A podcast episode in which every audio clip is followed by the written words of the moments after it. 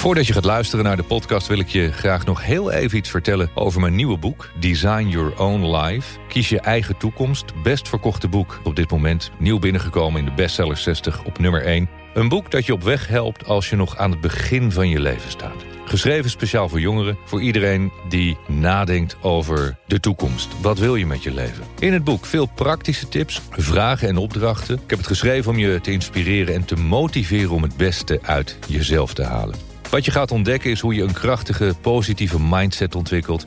Hoe je omgaat met angst en stress, hoe je rust in je hoofd vindt... en hoe je invulling kan geven aan jouw meest ideale leven. Te koop bij iedere boekhandel en natuurlijk ook online. Ben je er klaar voor? Welkom bij podcast nummer 94, de Leef je mooiste leven podcast. Ik zat net te kijken bij de statistieken, bijna 4 miljoen keer beluisterd. Dat betekent uh, dat we best een beetje trots mogen zijn. Dankjewel alle luisteraars voor, voor het luisteren de afgelopen jaren en ook uh, in 2020 weer naar deze podcast.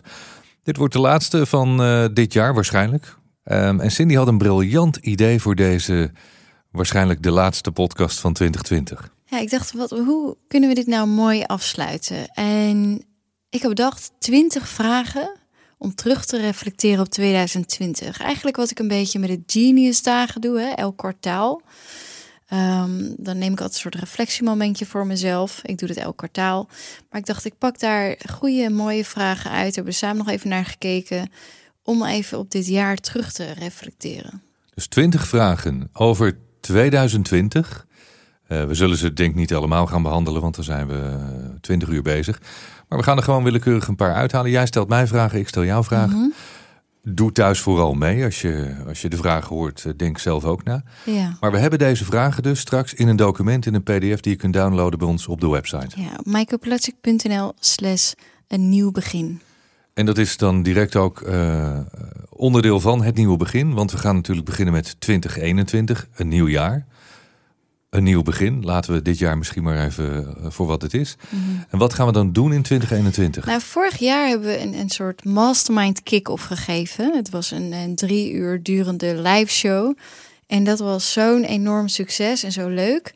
Dus daar gaan we een soort extended versie van maken. Een XXL versie. Dus we gaan dan zaterdagavond op 2 januari gaan we live. En zondagochtend op 3 januari. En dan gaan we samen het, jaar beginnen. We gaan uh, dus nu terug reflecteren op 2020. En op 2 en 3 januari gaan we vooral vooruitkijken naar het jaar wat voor ons ligt. Dus zet hem vast in je agenda. Zaterdagavond 2 januari vanaf waarschijnlijk een uur of acht. We er gewoon de hele avond en dan zondagochtend nog een keer. Dan gaan we vooruitkijken naar wat we allemaal kunnen gaan doen doelen die we gaan stellen. Wat willen we bereiken? Wat willen we met ons leven in 2021? Ja, een soort design your own life. Uh, deden we normaal gesproken ja. altijd elk jaar besloten om, om dit jaar eigenlijk een soort live design your own life uh, te organiseren. Ja, ik vind het mooi om met uh, zoveel mogelijk mensen met elkaar te doen. En, en, en nu gaan we dus eerst even terugkijken. Op een jaar waarvan ik zou willen zeggen: never underestimate how wrong you can be. Mm -hmm. Ik denk dat uh, bijna bij iedereen wel de, de plannen die we hadden gesteld. Als je kijkt naar het lijstje wat we hadden van, uh, van een jaar terug, van wat gaan we doen en bereiken in 2020. Dat daar uh, heel veel niet van is doorgegaan. Ja, het is een quote van, van jouw coach van Dempeña. Ja. En ik begreep die quote nooit zo goed, weet je wel. Ja, hoe zou je hem in het Nederlands vertalen? Ja, on onderschat nooit hoe, hoe, hoe je het bij het verkeerde eind kunt hebben eigenlijk. Mm -hmm. Dus je, we maken allemaal plannen, we hebben allerlei ideeën, dingen die we willen doen, doelen die we willen bereiken. Uh, we maken soms echt plannen waarvan we zeker zijn dat het moet gaan lukken. Maar er kan altijd iets gebeuren wat je niet had kunnen voorzien. Ik bedoel, wat er dit jaar is gebeurd in 2020... Ja, je zou kunnen zeggen dat hadden we niet kunnen voorzien. Uh, Behalve Bill Gates dan eigenlijk. Uh, daarom ik zit Want, net te denken aan dat. Uh, ze, ja. ze hadden het natuurlijk wel voorzien. Ja. Want op mijn verjaardag vorig jaar, 18 oktober 2019, was er zo'n event uh, 201. Toen hebben ze het allemaal bedacht en toen was het allemaal al voorzien. Um, dus sommige dingen kun je ook hebben voorzien. Maar, maar ik denk dat voor de meeste mensen, voor, voor jou en voor mij en, en voor jou, dat, dat dit kwam voor ons toch wel als een erg onplezierige verrassing. Die ons Wat ik ook vaak zeg, uh, heeft laten inzien dat we toch moeten omgaan met de omstandigheden. Want wat er ook gebeurt, ja, je kan er heel boos over worden, of verdrietig, of, of teleurgesteld, of het is niet eerlijk. Maar, maar dit is wat het is. En we moeten op dit moment, en we zitten met z'n allen in hetzelfde bootje, we moeten roeien met de riemen die we hebben. En dat hebben we gedaan en dat doen we ook. En daar zijn heel veel mensen heel creatief mee omgegaan. Wij zijn er ook creatief mee omgegaan, want ja, je moet wel. Uh, maar voor heel veel mensen is het ook uh, niet zo eenvoudig en, nog steeds niet. Want ja, je zal maar even je winkel moeten sluiten en, uh, en je restaurant al heel lang dicht hebben. Dus dat, dat, dat maakt dit jaar wel, um, nou ja, dat, dat is voor iedereen duidelijk, tot een heel erg, heel erg bijzonder jaar. Hè? Dachten we dat we een crisis achter de rug hadden een jaar of tien geleden, krijg je dit voor je kiezen. Dus laten we maar eens terugkijken naar dit bijzondere, rare, gekke jaar. Als je, als, je, als je dit jaar nou voor jezelf zou moeten omschrijven in, in je eigen geschiedenisboekje. Dat je zegt van nou, 2020, wij doen het altijd van hoe, was, hoe was het jaar? Mhm. Als je het samenvat voor jezelf, vind ik een mooie vraag. Ehm, hoe, vat, hoe vat je voor jezelf dan 2020 samen? Ik moet zeggen, ik vind dat voor mezelf heel moeilijk om, om zo even te bedenken en in een paar zinnen te doen. Maar gelukkig hebben we vragen die ons daarbij gaan helpen. En uh, nou, ik, ik, een soort rad van fortuin dit. Ja. Even kijken. Uh, wil jij beginnen anders? Mm Pak er maar eentje. Wat is de mooiste les die 20, 2020 je heeft geleerd? Zo, dat is direct een, uh, een hele makkelijke. Mm. Wat is de mooiste les die 2020 mij heeft geleerd? Ik vind zo'n van de beste en de mooiste en de grootste, dat, dat vind ik toch altijd wel moeilijke vragen. Mm Ja, want het zijn soms meerdere dingen. Nee, of, of nee, inderdaad, dat is dus wel waar. Dus, eh, Maar een van de mooie dingen die, die 2020 me heeft geleerd. Maar ik vind het een hele mooie vraag. Wat is nou het mooiste, als je moet kiezen, wat is nou het mooiste of het meest waardevolle wat, wat dit jaar je heeft geleerd? ja. Ja, voor, voor mij zou dat dan toch wel zijn, niets is wat het lijkt. Niets is wat het lijkt. Dat is voor mij Ja, 2020 wel samengevat op heel veel verschillende eh, facetten geweest. niets is wat het lijkt. Ja, absoluut. Ik had ook nooit kunnen denken, heel eerlijk, ik, ik denk dat bijna niemand dat had kunnen denken, dat je de hele wereld in twee of drie dagen volledig tot stilstand had kunnen brengen. Ja, Dat had ik, had ik niet kunnen denken. ik ook niet. Dat ze gewoon niet het- kunnen dat bedenken, het, het nee. vliegen, alles. eh, wij, wij zijn natuurlijk hier op Ibiza. Wij hebben in Spanje, ehm, en dat lijkt alweer een eeuwigheid geleden, maar wij zijn natuurlijk gewoon echt acht weken lang mochten wij ons huis niet uit. Hè. In Nederland eh, mocht je gewoon nog de deur uit en, en buiten, weet ik veel allemaal. Wij mochten echt ons huis acht weken lang niet, uit. uit. Je moest echt een briefje bij hebben als je ging boodschappen doen. We mochten niet auto rijden. Eh, althans, dat was eh, absoluut niet de bedoeling. Het, leger reed hier rond. Ehm, je mocht niet op het strand. Je mocht niet naar de natuur. Je mocht, helemaal. Nee, je mocht niet Mocht wandelen. niet buiten zijn. je mocht niet buiten zijn. Je mocht gewoon niet de deur uit. Nee, je mocht, dus ja. ja, dus niet de mooiste les die ik heb geleerd, maar dat dit had kunnen gebeuren. Ja, ik vond het, ja, ik vond het wel, wel interessant wat je zegt. Dat je wel de vraag die ik mezelf ook wel bezighoudt dit jaar is: bestaat vrijheid eigenlijk wel? Hoe vrij zijn wij eigenlijk of niet? Nou ja, ik denk dat dit jaar ehm, ons wel heel veel inzichten heeft gegeven in hoe de wereld wellicht anders in elkaar zit dan wij jarenlang hebben gedacht. We, we, we denken dat we in een soort vrije wereld leven en dat we leven in een democratie. En dat is niet om, om onaardig te zijn of zo, maar het is natuurlijk gewoon één grote schijnwerkelijkheid waarin wij leven. Je denkt dat je in een soort vrije wereld leeft, zolang je doet wat je wordt opgelegd vanuit de overheid, vanuit de wet, vanuit eh, wie dan ook de wereld regeert, ehm, wat andere mensen van jou verwachten en willen. En zeker als je dus nu kijkt, het, het laatste jaar is dat wel eh, op een hele ernstige, kwalijke manier duidelijk geworden, vind ik. Hoe, ehm, hoe niet vrij de media is en hoe niet vrij jij mag zijn op, op social media. Mhm. eh, door te zeggen wat jij wilt. Dus een soort van. Er is een beperkte vrijheid van meningsuiting. Ja, maar dat, eigenlijk tot voor dit jaar was ik me daar in die zin nooit van bewust. Ondanks dat het natuurlijk ook wel speelde, zeker in de wereld en op andere plekken van de wereld. Maar in, in, laat ik zeggen, in mijn leven ehm, heb ik dat nooit echt zo ervaren. Ik ben natuurlijk ook van Twitter afgegooid dit jaar, in 2020. Ja, en ik ken mensen die eh, van YouTube zijn verwijderd en hun Facebookpagina's zijn verwijderd. Dus, dus dit hadden wij natuurlijk nooit kunnen denken. Dus wat, wat eh, vrijheid betreft, eh, moet ik eigenlijk teruggaan. En dan ga ik terug. En dan wijken we direct een beetje af van, van onze 20 vragen over 2020. Maar dan ga ik even terug naar, ehm, naar twee situaties. Mijn vader die was met mijn moeder hier. Eh, begin van het jaar, toen we zijn eh, verjaardag vierden. Dat was exact één maand voordat hier de lockdown begon. En toen heb ik een soort podcast met hem opgenomen. Ik wilde een gesprek met hem opnemen, omdat ik heel graag heel veel van hem wilde weten. Maar dat wilde ik ook opnemen op video, op eh, bandje hebben we dat opgenomen. Ja, meer voor jezelf. Hè? Voor mezelf. vragen van, oh, Ja, kan ik is de podcast een, nee, het is luisteren? niet een podcast om uit te zenden, maar, maar misschien ooit.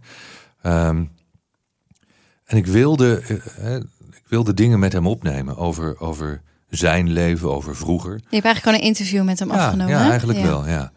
En toen vertelde hij mij een verhaal dat hij mij, dus hij is 79, een verhaal dat hij me nog nooit had verteld over toen wij naar Nederland kwamen. En we kwamen natuurlijk uit Polen. En Polen was een, eh, een land achter het ijzeren gordijn. Het was een eh, communistisch land. En eh, mijn vader. Hoe oud was jij toen jullie naar Nederland ik was kwamen? anderhalf. Ik was, ik was nog net geen twee. En ehm, mijn moeder ging, ging naar Nederland, maar mijn vader en ik mochten niet mee. Hè. Wij, wij, eh, kun je dus ook niet echt voorstellen. Ons gezin, mijn vader en moeder wilden graag naar Nederland, want mijn moeder was Nederlands.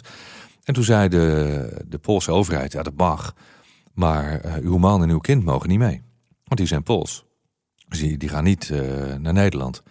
Als ik dat nu, zo, zoals ik het nu vertel, als ik dat nu, als ik daarover nadenk, denk ik van, van, van, ja, aan de ene kant oké, nou ja, misschien dat zijn de regels, maar het is ook wel raar.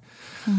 En- En jouw moeder is toen eh, wel naar Nederland gegaan. Ja, nou, mijn moeder die ging naar Nederland, want eh, die, die reed elke paar weken tussen Nederland en Polen op en neer. Alleen die, die trok het gewoon niet, eh, dat leven in, in Polen, in het communisme. En ja, totaal andere wereld dan, dan in, in Nederland toen. En, en, en, en, en mijn vader en ik mochten dus niet mee. En dat heeft heel lang geduurd, dat was heel complex.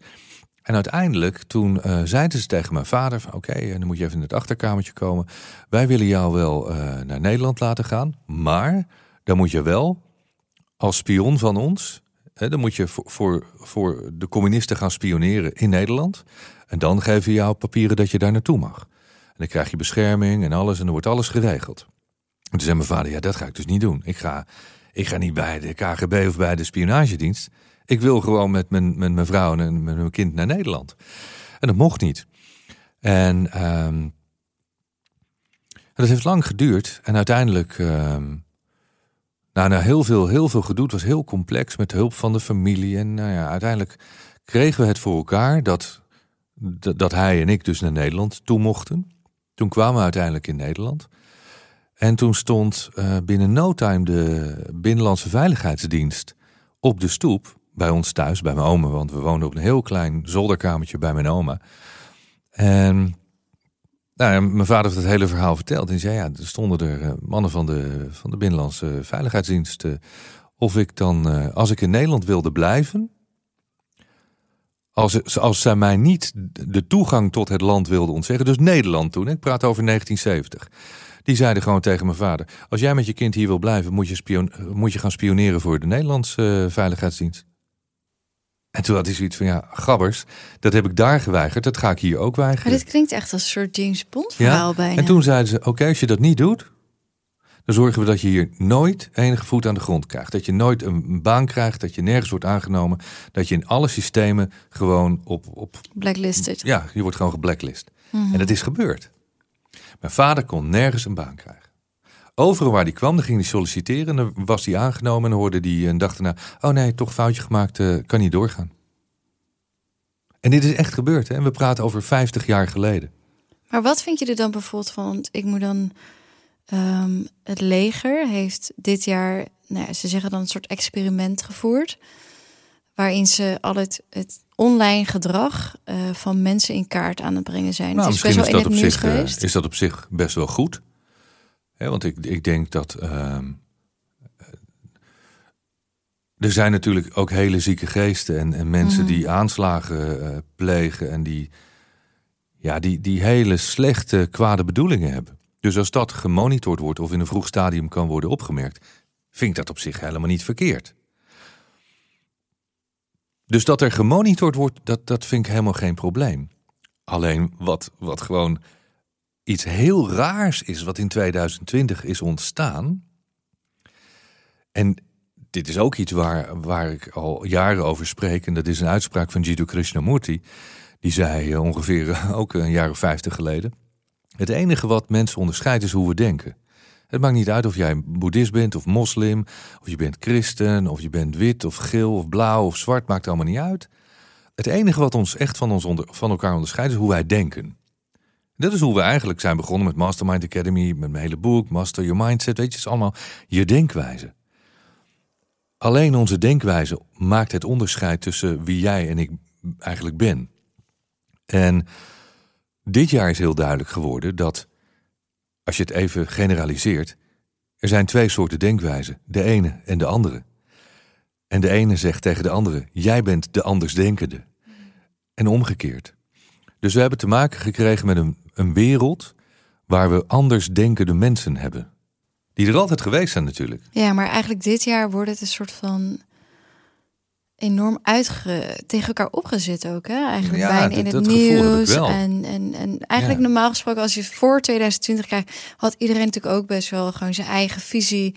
Maar het deed nooit echt ter zake, omdat iedereen deed daar binnen gewoon een beetje zijn dingetje. Zijn, ik bedoel, ja. Nou, kijk, als je, als je kijkt naar de, de politiek wereldwijd, maar zeker in Nederland, waar we ongeveer 17 miljoen eenmanspartijtjes hebben inmiddels. Een politieke partij is niks anders dan een ander gedachtegoed. Dus, dus er zijn altijd andersdenkenden geweest. Als je kijkt naar de geschiedenis alleen al van Nederland, zijn er heel veel verschillende eh, geloofsovertuigingen. Alleen al in Nederland. Als je dat wereldwijd bekijkt.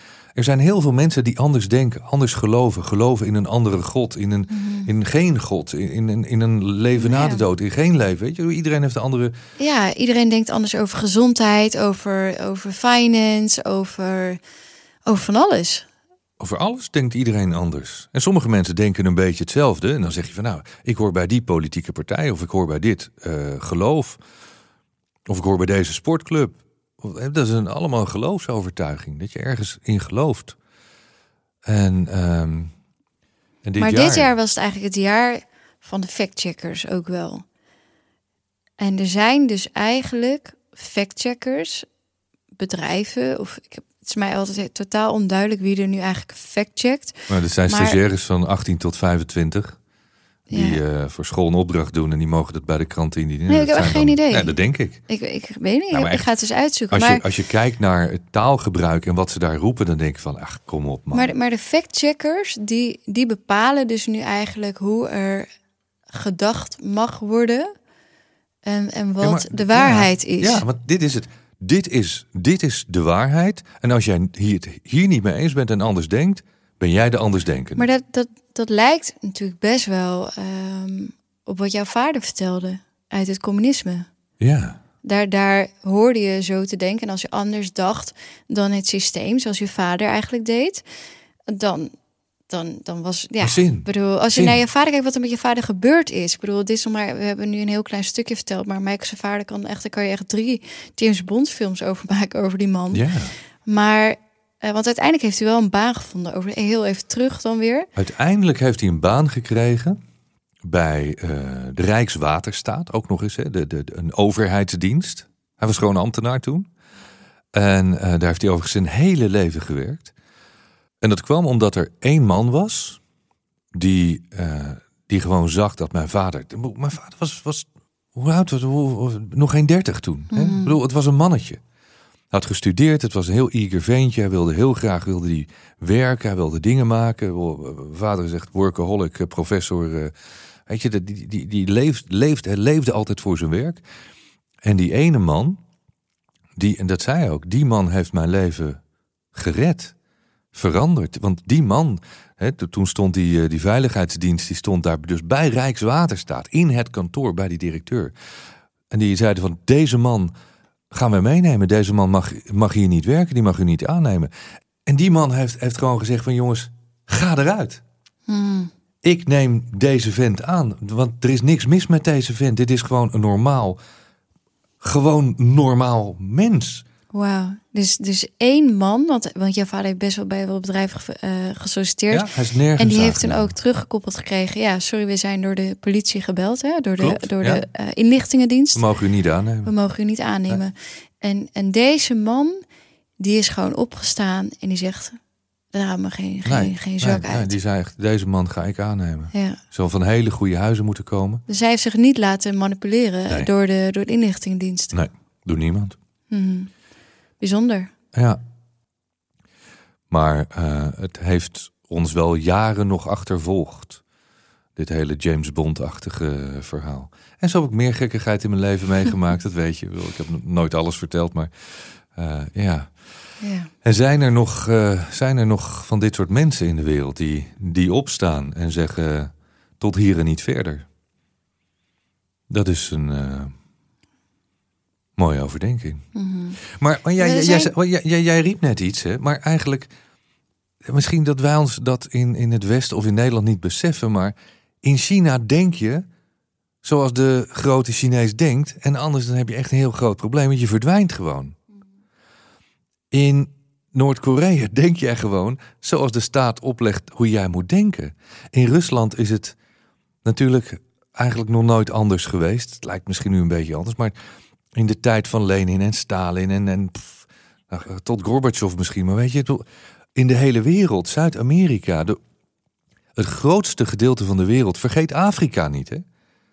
Daar, heb, daar mag jij niet gewoon denken wat jij wil en zeggen wat jij wil en doen wat je wilt.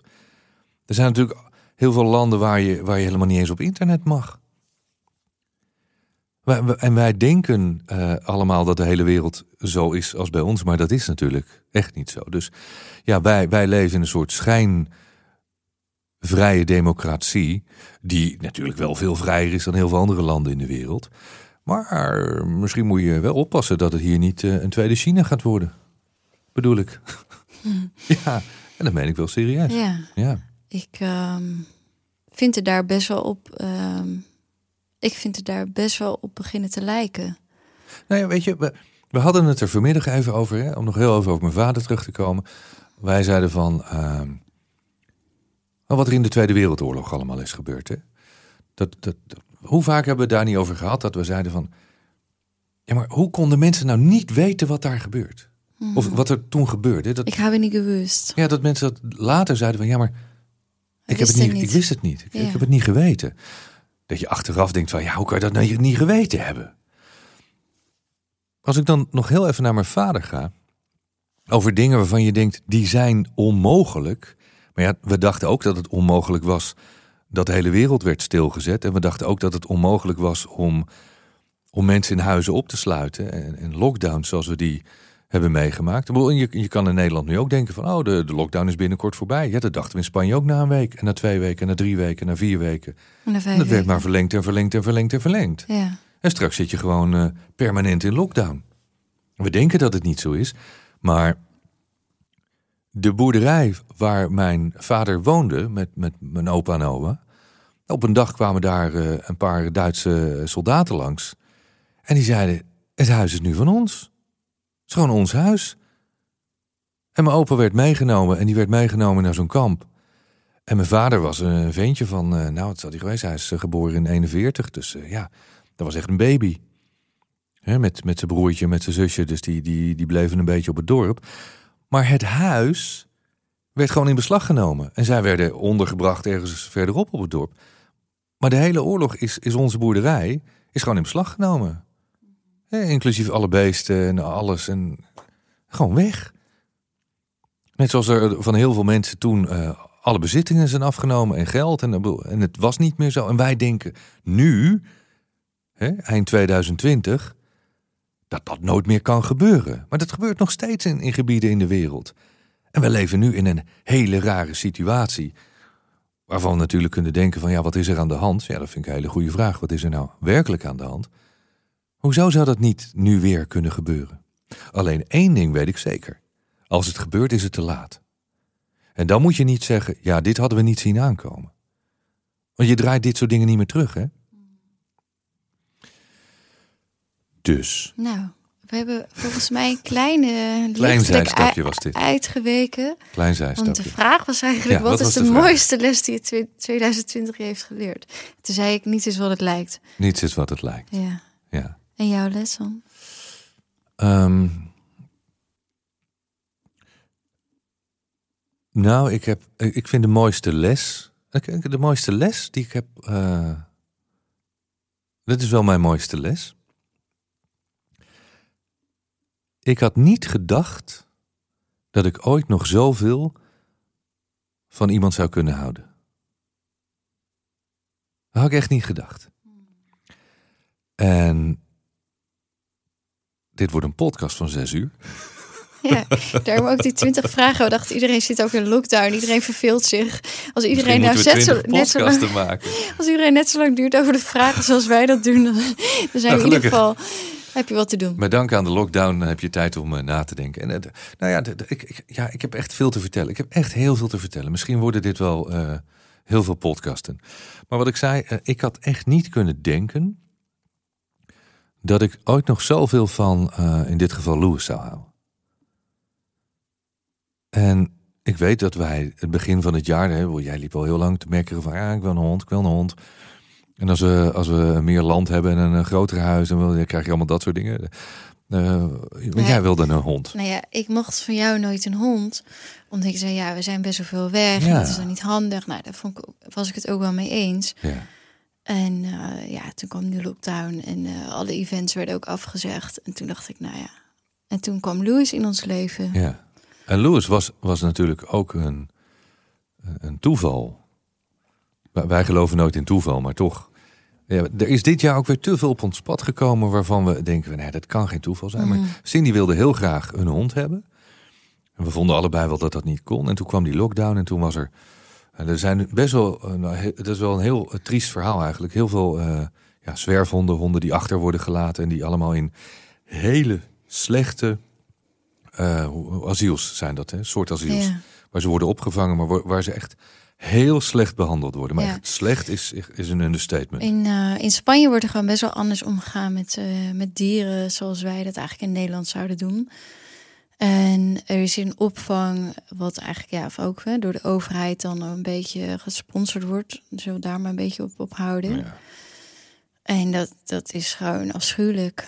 Ehm, ik heb er echt geen andere woorden voor. We hebben natuurlijk filmpjes gezien waar Louis eh, heeft daar ongeveer vier jaar gezeten. Ja, ik kan alleen maar huilen. Ja, echt zo triest. Gewoon echt, echt vreselijk. De beelden die we later hebben gekregen. Want ja, het verhaal was uiteindelijk onze buurman. Roel die eh, kwam in contact met een van die dames die, die voor die honden zorgde. was vlak voor de lockdown. En ze hadden zeven honden volgens mij die, die geen huis hadden. Ja, wa- wat ze eigenlijk doen is hier ook een, eh, zijn die vrijwilligers en die proberen ehm, die honden eigenlijk te socialiseren. Ehm, zodat ze dan bijvoorbeeld naar Nederland of naar Duitsland ter adoptie kunnen. Dan zijn er vaak weer andere mensen in Nederland en in Duitsland die die honden daar ook weer opvangen. Een soort tijdelijke tussenstation. En dan proberen ze een nieuw, nieuw huisje voor die honden te vinden. Ja.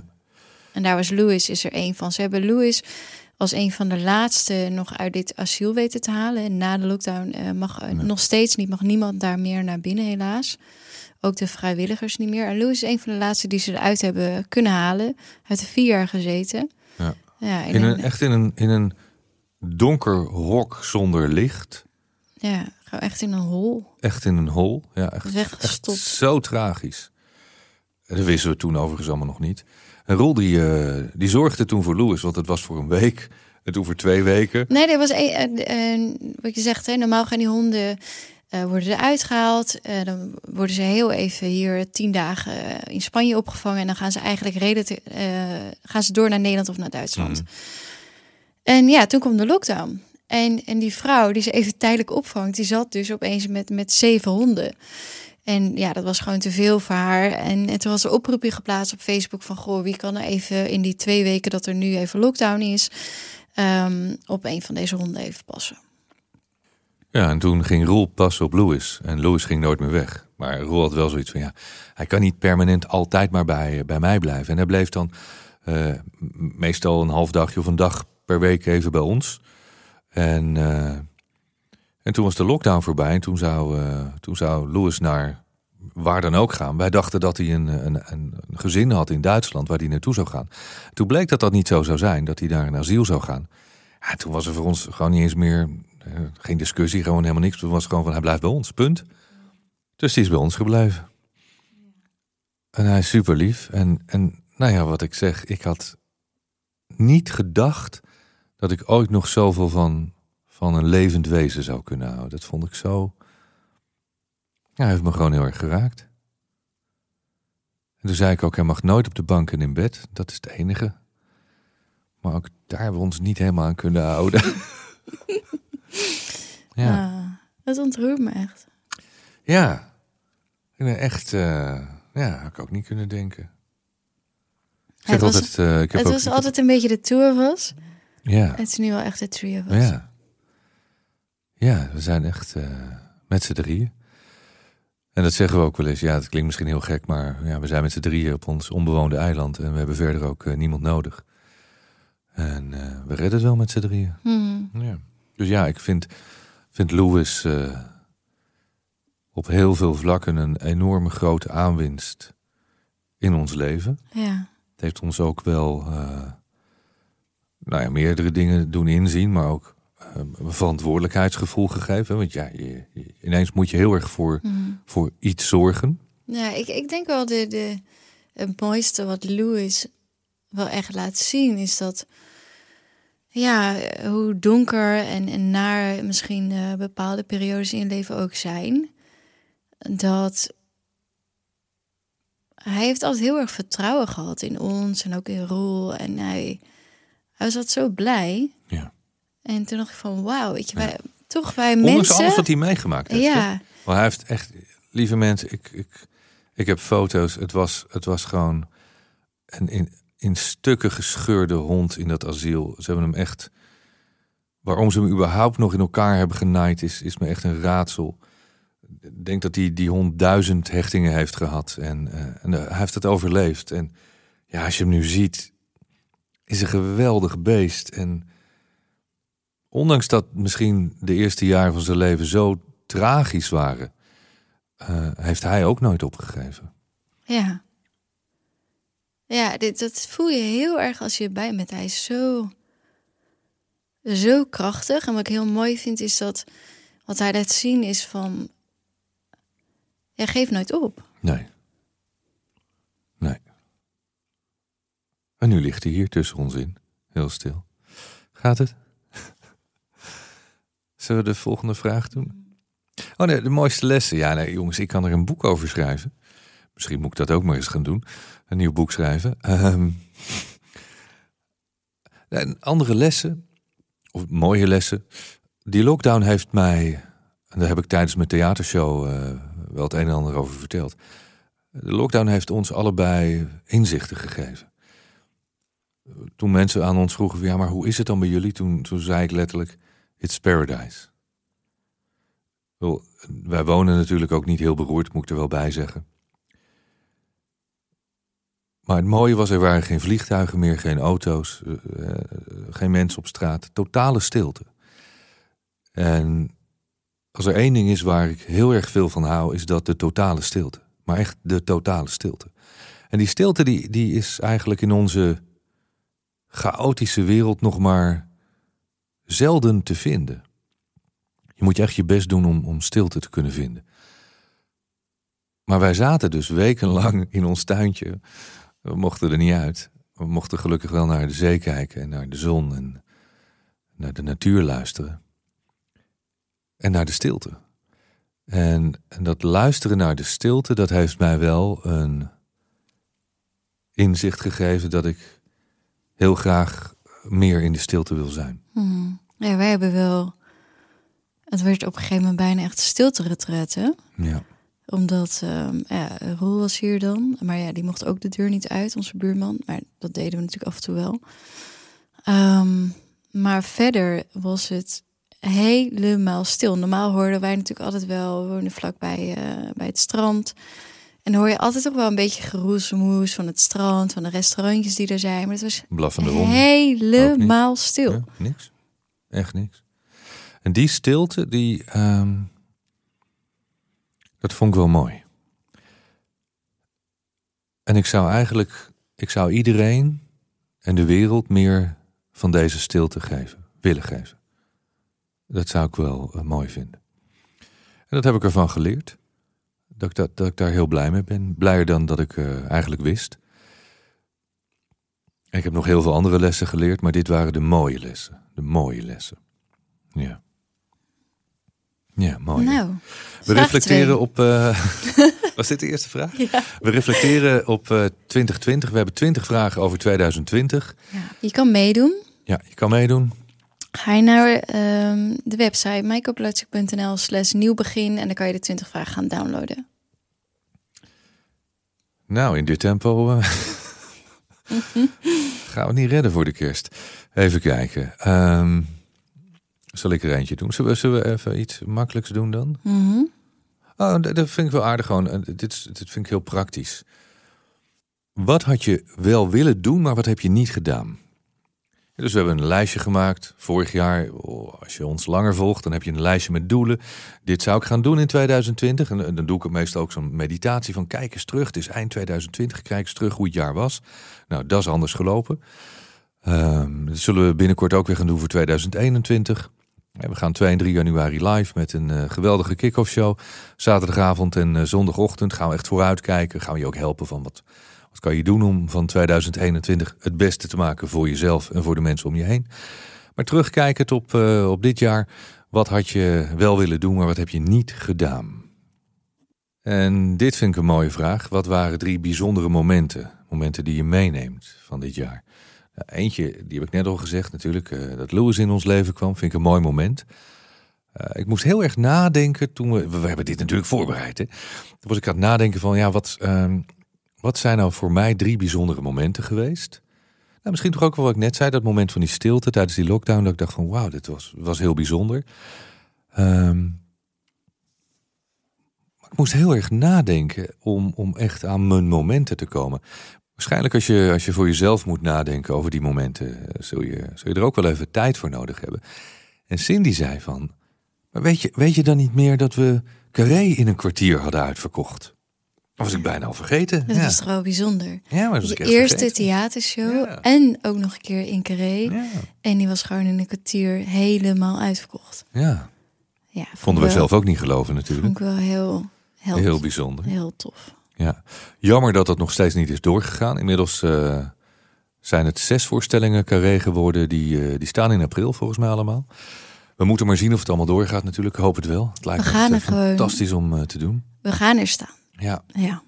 En toch die hele theatertour. nou ja, hele theatertour. We hebben, we hebben uiteindelijk eh 15 voorstellingen mogen doen. Met anderhalve meter en een hoop gedoe. Dat was heel perfect geregeld door de theaters. En het was heel leuk en het was, het was mooi. Het was ja, ook misschien wel door de hele situatie in, eh, in de wereld was het eh, mooi om bij elkaar te zijn. En eh, een avondje rust in je hoofd te hebben. We hebben het toch wel over ja, dingen gehad die, die daarmee te maken hebben. Ik vond het mooi en ik zou graag de komende andere 50 shows gaan spelen. Wacht even af. Maar Carré, dat is wel, ja, was een bijzonder moment. En dat we dat zo snel konden uitverkopen was, nou ja, ook heel dankbaar dat, dat er zoveel mensen blijkbaar vertrouwen in hebben eh, om, om, om, een kaartje te kopen, om naar het theater te gaan. Nog andere momenten, een moment voor jou. Ja, ik heb ehm, in de. Even kijken. Een mooi moment. In september heb ik een, eh, cursus gevolgd. eh, Een vijfdaagse. met Taya en Til. En eigenlijk was, was die hele vijf dagen waren geweldige momenten. Aan inschakeling van hele mooie momenten. We hadden een, Hier op het eiland. hier op het eiland, ja. Op Ibiza. Ja, het was toen al eh, ook best wel onduidelijk, maar ja, eh, we waren met een groep van zes vrouwen. En dat klikte zo onwijs goed. En ehm, ja, we hebben heel veel bijzondere momenten samen gedeeld. We hebben elke, elke dag hebben we een hele lange uh, breathing, uh, breathwork sessie gedaan. En ja, dat is best wel intens en ik vind het ook wel lastig in woorden te beschrijven hoe dat is. Um, omdat ja, die breathwork sessies zijn bijna met uh, een plantmedicijn als een ayahuasca-achtige ervaring te omschrijven. Hm. Ja, ik denk dat iedereen weet dat jij vijf dagen weg was. Ja. waren die vijf dagen dat ik uh, non-stop op Instagram zat. Ja, ik heb, ik heb toen vijf dagen ook lekker mijn telefoon uitgezet. En de, de plek waar het is, dat is echt ja, helemaal in the middle of nowhere. Ja. Uh, ik heb mijn telefoon uitgezet. En uh, ja, elke sessie was, was een bijzonder moment. Uh, zoveel wijsheid. En ja, je hele bewustzijn schakelt gewoon uit. Dus je, je, je, je bent eigenlijk helemaal in contact met je onderbewustzijn en het grote al. Mooi hè? Ja, is echt, was te gek. Ja, dat waren die dagen dat ik met Louis al die leuke filmpjes op Insta had gepost. En een ander mooi moment, maar dat zijn eigenlijk altijd wel meerdere. Maar we zijn natuurlijk heel veel gaan wandelen. Door Louis zijn we nu elke ochtend is onze, onze heel normaal gesproken ging ik opstaan en uh, ja, ging ik ook wel eens op het strand lopen. Maar nu is het echt routine, weet je wel. Elke ochtend gewoon hup aankleden, schoenen aan en met Louis naar het strand of hier uh, ja, vlakbij wonen we ook op een heel stuk mooi stukje natuur. En elke avond doen we dat ja, ik vind het wel hele bijzondere en fijne momentjes. We zijn heel vaak ook met de zonsondergangen, net als de zon ondergaat. En dan gaan we naar, naar die berg die hier vlakbij is. En zitten we daar altijd even in de bergen. Ja, ik vind het wel hele mooie momenten altijd. 20 vragen over 2020. Daarmee zijn we bezig. Ik weet niet hoeveel we er eh, gedaan hebben, maar uh, je kan ze allemaal downloaden, de PDF via de website. Um, wat waardeer je het meest aan je huidige leven? Uh, welke doelen heb je wel en niet behaald in 2020? Nou, vind ik toch altijd wel goed dat, dat je toch even kijkt van wat stond er op mijn lijst? Wat heb ik wel voor elkaar gekregen en wat niet? En hoe komt dat dan als ik dat niet, heb, uh, niet voor elkaar heb gekregen? Ik vind dit ook een mooie. Wie zou je willen bedanken voor de rol die hij of zij afgelopen jaar in jouw leven heeft gespeeld? Dat is mooi. Hmm. Vraag van jou.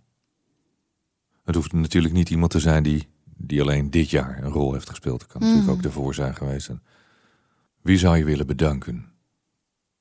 Wie zou jij willen bedanken? Ja, uh, wie zou ik nou echt willen bedanken? Die een hele belangrijke rol heeft gespeeld. Nou, jij. Ja. ja we, zijn, we zijn altijd elke dag samen. Ja, nee, maar toch. Dat, jij, jij, ik denk, jij speelt toch uh, altijd een hele belangrijke rol mm. in mijn leven. Dus ja, jij. Egon is, uh, is uh, ja, voor mij heel belangrijk. Die zou ik zeker willen bedanken. Maar ik zou, ik zou mijn ouders ook willen bedanken. Ja. Mooie vraag om over na te denken. Voor mm -hmm. jezelf ook. Wie zou jij willen bedanken? Iemand die een belangrijke rol heeft gespeeld in je leven. Hmm, ik vond deze ook wel goed. Waarover ben je van gedachten veranderd? Of moest je je mening bijstellen? Nou, ik denk dat dit wel het jaar was waar je heel vaak van gedachten kan zijn veranderd. En waarbij je ook je mening moest bijstellen. Of dat je dat misschien nog moet gaan doen. Hè? Dat kan ook. ik nog niet door heb. Ja. Um, nou, ik denk dat het voor dit jaar wel een, een interessante vraag is. Waarover ben je van gedachten veranderd? Ik kan hier dus ook niet zomaar 1, 2, 3 antwoord op geven. Moet ik echt goed over nagedenken. Dit gaan wij dus ook doen. Hè? Ik, ik ga dat zeker doen. Ik, ik wil zelf ook over deze vragen nadenken. We starten binnenkort met het Leef je mooiste leven jaarprogramma. Heel bijzonder eigenlijk. Uh, omdat wij er gemakshalve maar even van uitgaan dat we nou ja, laten we zeggen, de eerste komende 7, 8, 9 maanden geen uh, live events mogen organiseren. Althans, geen maximum potential, zo groot als wij dat doen. Dus um, hebben we maar gezegd, we gaan gewoon een jaarprogramma online doen. Ook eigenlijk wel op, op heel veel, uh, ja, moet je dat zeggen, niet op verzoek, maar wel op basis van feedback die we hebben gekregen van deelnemers. Die zeiden van ja, dat, Dat roadmap-programma is fantastisch, hart, hartstikke mooi allemaal, maar acht weken, het is een beetje kort, kan het niet langer. Nee, dat is meer altijd. We geven natuurlijk altijd ook heel veel live Q&A's tijdens de roadmap. En dat heel veel mensen zeggen, oh, ik krijg er altijd zoveel energie van. En, en ja, kan het niet langer doorgaan? Kunnen we niet vaker Q&A's doen? Ja. En we dachten, nou, als we nu toch geen Maximum Potential mogelijk niet volgend jaar kunnen doen, uh, dan maken we er een jaarprogramma van. Ja, nee, dus uh, heel veel interessante lessen, denk ik. Wat, wat ik wel weer terug heb gehaald, is persoonlijk meesterschap. Wat we natuurlijk uh, vroeger als middagprogramma deden. Daar gaan we nu een, een, een, een twee dagen event van maken. De events zijn trouwens in het jaarprogramma op, op avonden. Mm-hmm. We beginnen om half acht s s'avonds, meestal tot een uurtje of half tien, tien uur. En beginnen ook met persoonlijk meesterschap in januari.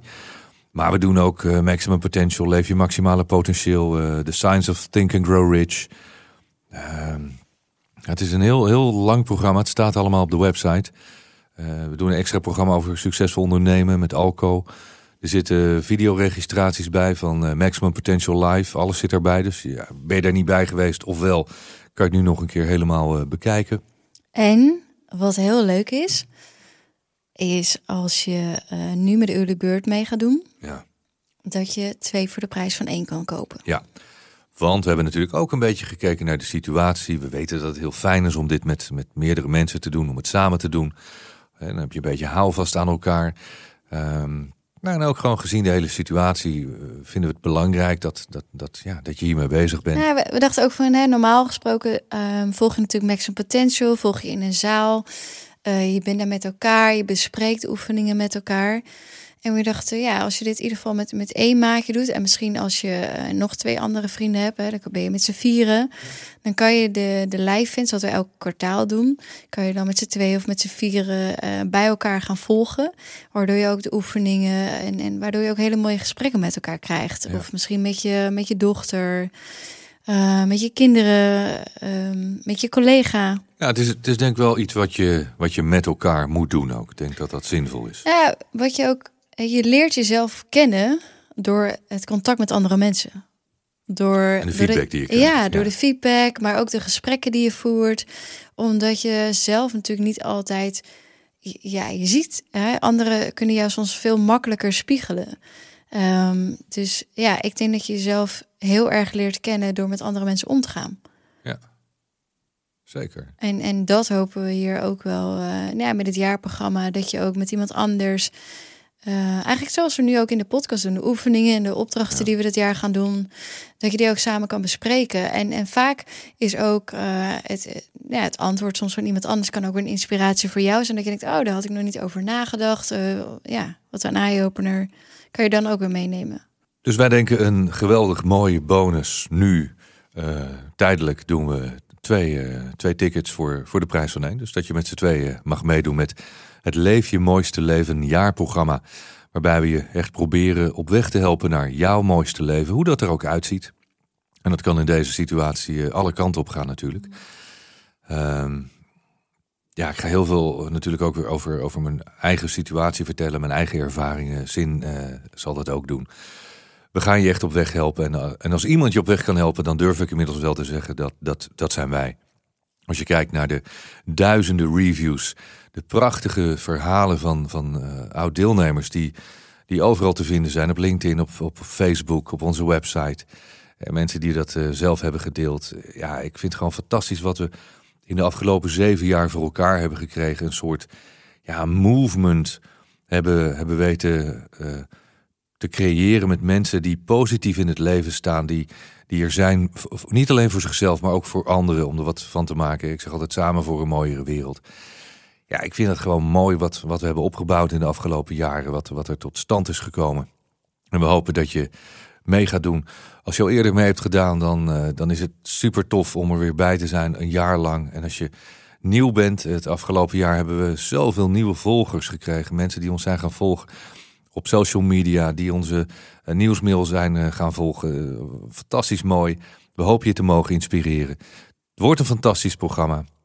We beginnen in de derde week van januari. We zijn er iedere maand wel met, met iets wat we gaan doen. En je kan alleen nu, hè, in, we gaan het ook maar één keer per jaar doen. Dus het is niet dat je in de zomer nog een keer kan instromen. We gaan dit jaar, dit is wat we gaan doen.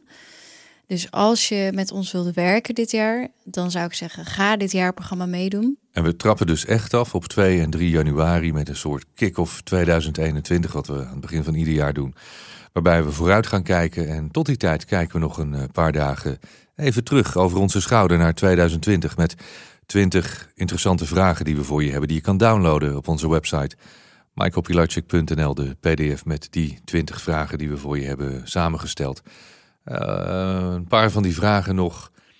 Waar heb je veel tijd aan besteed? Waar heb je spijt van? waar heb je spijt van? Het is altijd goed om toch te kijken van... heb je dan spijt van iets wat je bijvoorbeeld gezegd hebt... wat je niet had moeten zeggen... of wat je uh, had willen doen wat je niet hebt gedaan? Heb je daar spijt van? Het is goed om, om toch te kijken van waar heb ik spijt van? Het leven is een beetje bedoeld om zo min mogelijk spijt te creëren voor jezelf. Dan, uh, dan heb je een mooi leven. Ik wil nog één vraag eigenlijk uh, delen. Wat was jouw beste beslissing? Denk er even over na. Wat was jouw beste beslissing? Ook voor thuis. Nee, denk ik ook nog van, wat heb ik nog meer gedaan dit jaar? Um, we hadden het over, waarom had ik het dan zo druk?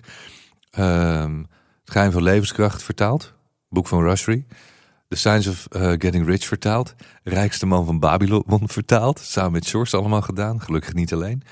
En ik heb natuurlijk uh, Master Your Mindset helemaal herschreven. Wat begon als, nou, er zijn een paar kleine dingen die ik even wil aanpassen.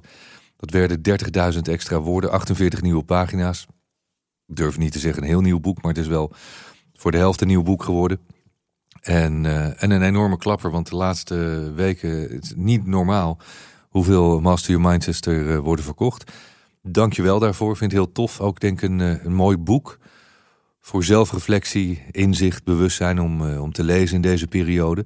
Maar ook natuurlijk ook weer om te kijken naar volgend jaar. Ik heb ook gezegd, het is een, een mooie handleiding om te gebruiken bij het Leef je mooiste leven jaarprogramma dat we gaan doen. Maar daar was ik ook nog druk mee, ja. En natuurlijk, uh, nu ik toch bezig ben... we hebben natuurlijk Meditation Moments gelanceerd in het Engels. Mhm. Nog niet zo heel lang geleden, deze maand. We zitten er middenin. Uh, beta.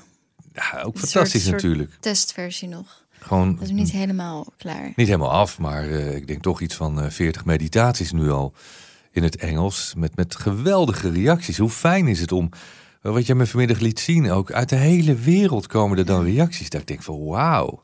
Dit Ja. is toch te gek? En we beginnen natuurlijk eigenlijk gewoon weer helemaal opnieuw. opnieuw. Ja, niemand die je Met, met natuurlijk nul fans weer, hè? buiten dan het kent. Dus ik, eh, ja, dat is natuurlijk een beetje mijn, eh, mijn afdeling altijd. En ehm, ik moet zeggen, ik vind het ook echt wel weer, weer heel tof. We beginnen gewoon weer helemaal met een blanco vel. Ehm, en het is een beetje aan mij om dit de wereld in te gaan krijgen.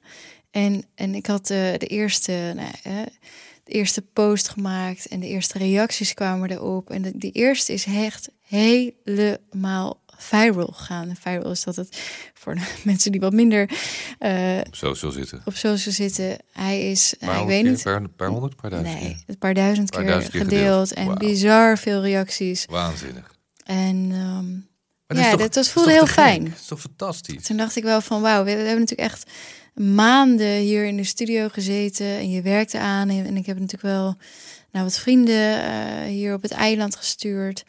En ehm, ja, het is net als met jouw boek, weet je, je, je zit daar toch, ja, voornamelijk wij met ons team, maar wij ook wel heel veel uren samen in de studio en terugluisteren en opnieuw. En dan vonden we het toch niet helemaal goed. Of, en dan is ga, monnikenwerk. en dan gaat het de wereld in. En Ja. ik moet wel zeggen, dat was wel voor mij dat ik dacht van... Oké, weet Vond je wel. Ja, ik vond het heel Ja, spannend. ik vond het ook spannend. Ja, ik vond, ik vond een van de meest spannende eh, Ja, projecten die we tot nu toe hebben gedaan. ja heb ik ook wel hoor. Ja. Ook wel omdat we er denk ik... Nou, uiteindelijk waarom het ook wel spannend is... omdat we er toch ook wel met een heel team inmiddels... van eh, bijna 30 mensen dagelijks aan werken... En er zoveel tijd in gestopt is. Ik wel dacht van wow, ja, ik, ik hoop wel dat mensen er nu naar gaan luisteren. Dat is toch wel een beetje heel erg zonde van iedereen zijn tijd van de afgelopen anderhalf jaar geweest. Nou, ik durf best uh, hier uh, aan publiek te bekennen dat wij het, uh, wij samen, maar met, met het hele basisteam heel erg hebben onderschat wat er op ons afkwam. We, we begonnen een app met meditaties. En dat, dat werd een, een groot, nou ja, dat, ja, ik vind het nu wel een groot bedrijf aan het worden. Ehm, ja, we hebben af en toe ook elkaar wel aangekeken van wow, is dit, is, is dit eigenlijk wel wat we willen? Hè? Want ehm, we willen ook ons mooiste leven leven. Daar gaan we een programma over maken. En het kan niet zo zijn dat, dat degene die, uh, die de les in geven straks alleen maar zelf aan het werk zijn. Dat, dat, dat is niet de intentie natuurlijk. Maar het heeft een bepaalde verantwoordelijkheid, uh, wat jij zegt. Van ja, we doen het voor, nou, voor de wereld, om, uh, om impact te maken. Ik denk dat dat heel belangrijk is. En aangezien wij de, de mogelijkheid daartoe hebben, ik met mijn stem en dankzij het team en jullie allemaal, wij dit met elkaar kunnen doen. Ja, denk ik dat dit een missie is die we absoluut moeten voortzetten. En dat dit de achterkant van het verhaal is wat misschien niet iedereen ziet als je een meditatietje luistert in de app of, of denkt van oh leuk waar ze mee bezig zijn. Maar ook wat ik me heel goed kan voorstellen, wat ik natuurlijk vaker zeg als ik lesgeef, van als je op hè, je begint een bedrijf en het wordt, het wordt iets serieus. En dan zijn er altijd momenten.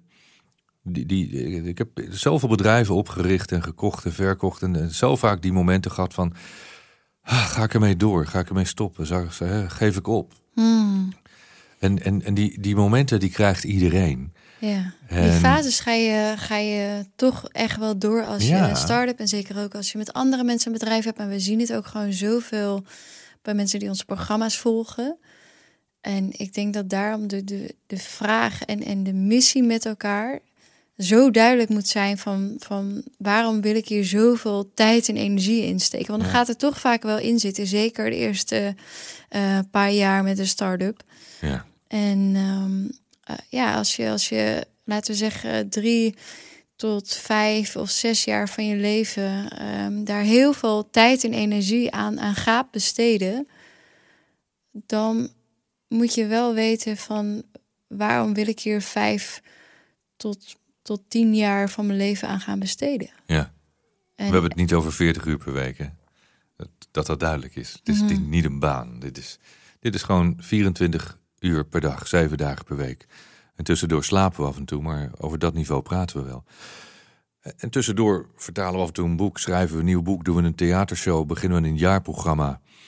En genieten we ook nog elke dag van onze wandelingen met Louis. Mm In ons mooiste leven hier op Ibiza op dit moment. En... Ik heb ook wel van mensen uh, in Nederland gehoord die zeiden van... oh, daardoor zijn we niet veel meer in Nederland. Ik, ik heb veel meer Nederland ontdekt. Ja. Dat is eigenlijk ook wel heel leuk. Ja, ik heb super veel mooie plekjes in Nederland um, gezien. Ik ben op, op, plekken geweest waar ik anders niet zo snel naartoe zou gaan. Dus het maakt het, het waardeert denk ik ook iedereen in de hele wereld om ook te kijken naar wat je hebt. En dat het eigenlijk heel mooi is. En dat je niet altijd naar de andere kant van de wereld hoeft om, om het eigenlijk heel fijn en mooi te hebben. Laten we daar dan deze podcast met 20 vragen over 2020 uh, eh, mee afsluiten.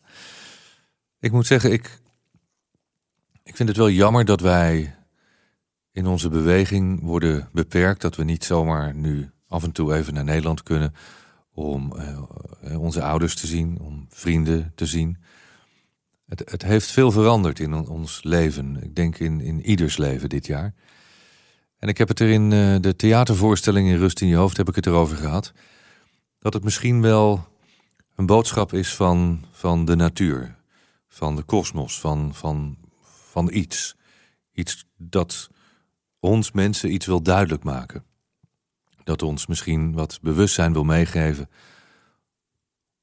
Of we wel op de juiste manier met elkaar omgaan. Of we op de juiste manier omgaan met de natuur, met, met de planeet, met de wereld. En dan heb ik het niet over, over gedoe als stikstof, CO2, klimaat, al dat soort gedoe. Nee, ik heb het puur over de kleinigheid. Als flikker je je eigen troep niet gewoon weg op straat. Als je aan het roken bent. Weet je, Gooi je sigaret niet op straat. Ruim je eigen tyfuszooi alsjeblieft op. Gewoon zorg een beetje voor, voor je eigen wereld om je heen. Leef een beetje bewuster. Leef meer vanuit verdraagzaamheid naar elkaar. En we hoeven het absoluut niet allemaal met elkaar eens te zijn. We mogen allemaal anders denken. Maar we kunnen wel op een normale, verdraagzame manier met elkaar omgaan. Ik denk dat dat iets is wat we hebben uh, kunnen leren en moeten leren van de lockdown. En wat ik heb gezien, als ik dan nog één les heb geleerd, is dat blijkbaar de overgrote meerderheid van de mensheid daar nog niet aan toe is. Dat de lessen die ons worden geleerd door, door wie dan ook, door, door iets van boven of de natuur, blijkbaar te complex en te moeilijk zijn om te begrijpen, want we zijn alleen maar meer ruzie gaan maken. En dat baart mij wel enige zorgen. En ik denk dat, uh, dat het tijd is voor, voor zingeving en voor overdenking. Wat geeft u hoop? Wat mij hoop geeft? Mhm. Mijn onaantastbare geloof in, ja, jij kent mij in het, in het alweten, in, in het goddelijke dat ons leidt. Het geeft mij hoop. Dat, uh, dat we dat allemaal één voor één gaan voelen, zien en ervaren. Nou, ik, weet niet of iedereen dat gaat voelen en zien en ervaren op deze planeet in deze komende duizend jaar, maar in de eeuwigheid geeft mij dat heel veel hoop.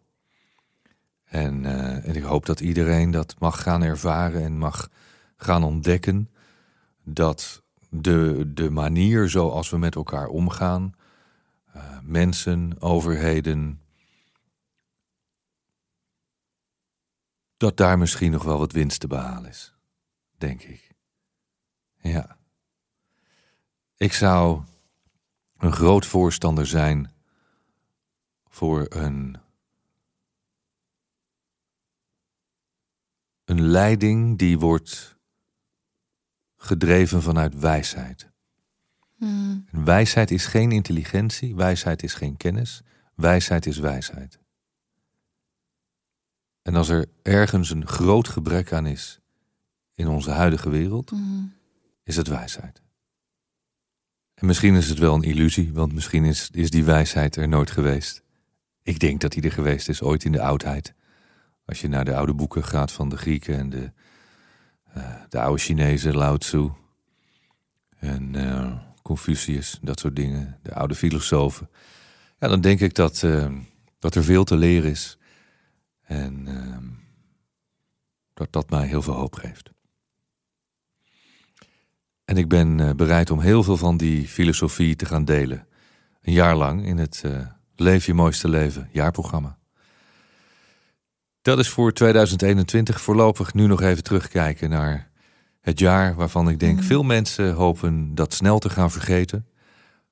Hoewel heel veel andere mensen hebben ook veel succes gehad, heb ik, uh, heb ik gehoord. Ze hebben heel veel creatieve andere oplossingen bedacht voor, voor alles wat er gebeurde. Wij hebben 20 vragen voor je om na te denken over 2020. Je kan ze downloaden op onze website michaelpilarchik.nl. Bedankt voor het luisteren. We gaan op naar de 4 miljoen downloads voor deze podcast. Dat is een mooie mijlpaal. Hmm. Dankzij jou, dankzij mij en nu ook dankzij Louis, die zich heel lief weer heeft gedragen en hier nu al ruim een uur, anderhalf uur uh, naast ons ligt. Hij, hij zit altijd bij uh, ja, dat weten mensen denk ik niet, maar bij alle volle maan, eigenlijk alle, alle live sessies. Hij is er altijd. Hij is er altijd. En het is heel bijzonder dat op het moment dat wij de studio inlopen, want hij was toen eigenlijk nog maar een week bij ons. Hmm. En toen hadden we Maximum Potential uh, hadden we uh, online gegeven. Oh ja, want het ging, live. We ja. konden het niet, niet door laten Ja. gaan. Toen was Louis net een week bij ons. Dachten ja, mm, dan moeten we vier dagen live, hele lange dagen. Hoe gaan we dat met die hond doen? En toen hebben we hem eigenlijk gewoon meteen de studio in, ingelaten. En, en wat heel bijzonder is, is dat als wij beneden aan de keukentafel zitten, dan komt hij best wel vaak even uh, kijken bij je. Of dan komt hij een beetje soort op je ja. schoot, half opspringen. Of dan wil hij van alles. En hier is het, op een of andere manier voelt hij dan van, oh, ik even niet storen. En dan gaat hij altijd tussen ons in liggen. En dan hoor je hem helemaal niet. En op het moment dat wij uh, de microfoon uitzetten, dan gaat hij altijd opstaan. En ik denk, oké, okay, klaar. Het is echt zo bijzonder. Zeker bij de meditaties natuurlijk. Dan denk ik af en toe wel eens, oh, laat hij nou niet halverwege op mijn rug gaan uh, springen. En nu ook, hij ligt zo rustig. En ik weet zeker, we zijn zo klaar. Dan zetten we hier de boel uit. En dan wordt hij wakker en dan, uh, dan is alles weer uh, zoals het was. Mm. Tot zover. Bedankt voor het luisteren naar deze Leef je mooiste leven podcast. Heel graag, tot snel.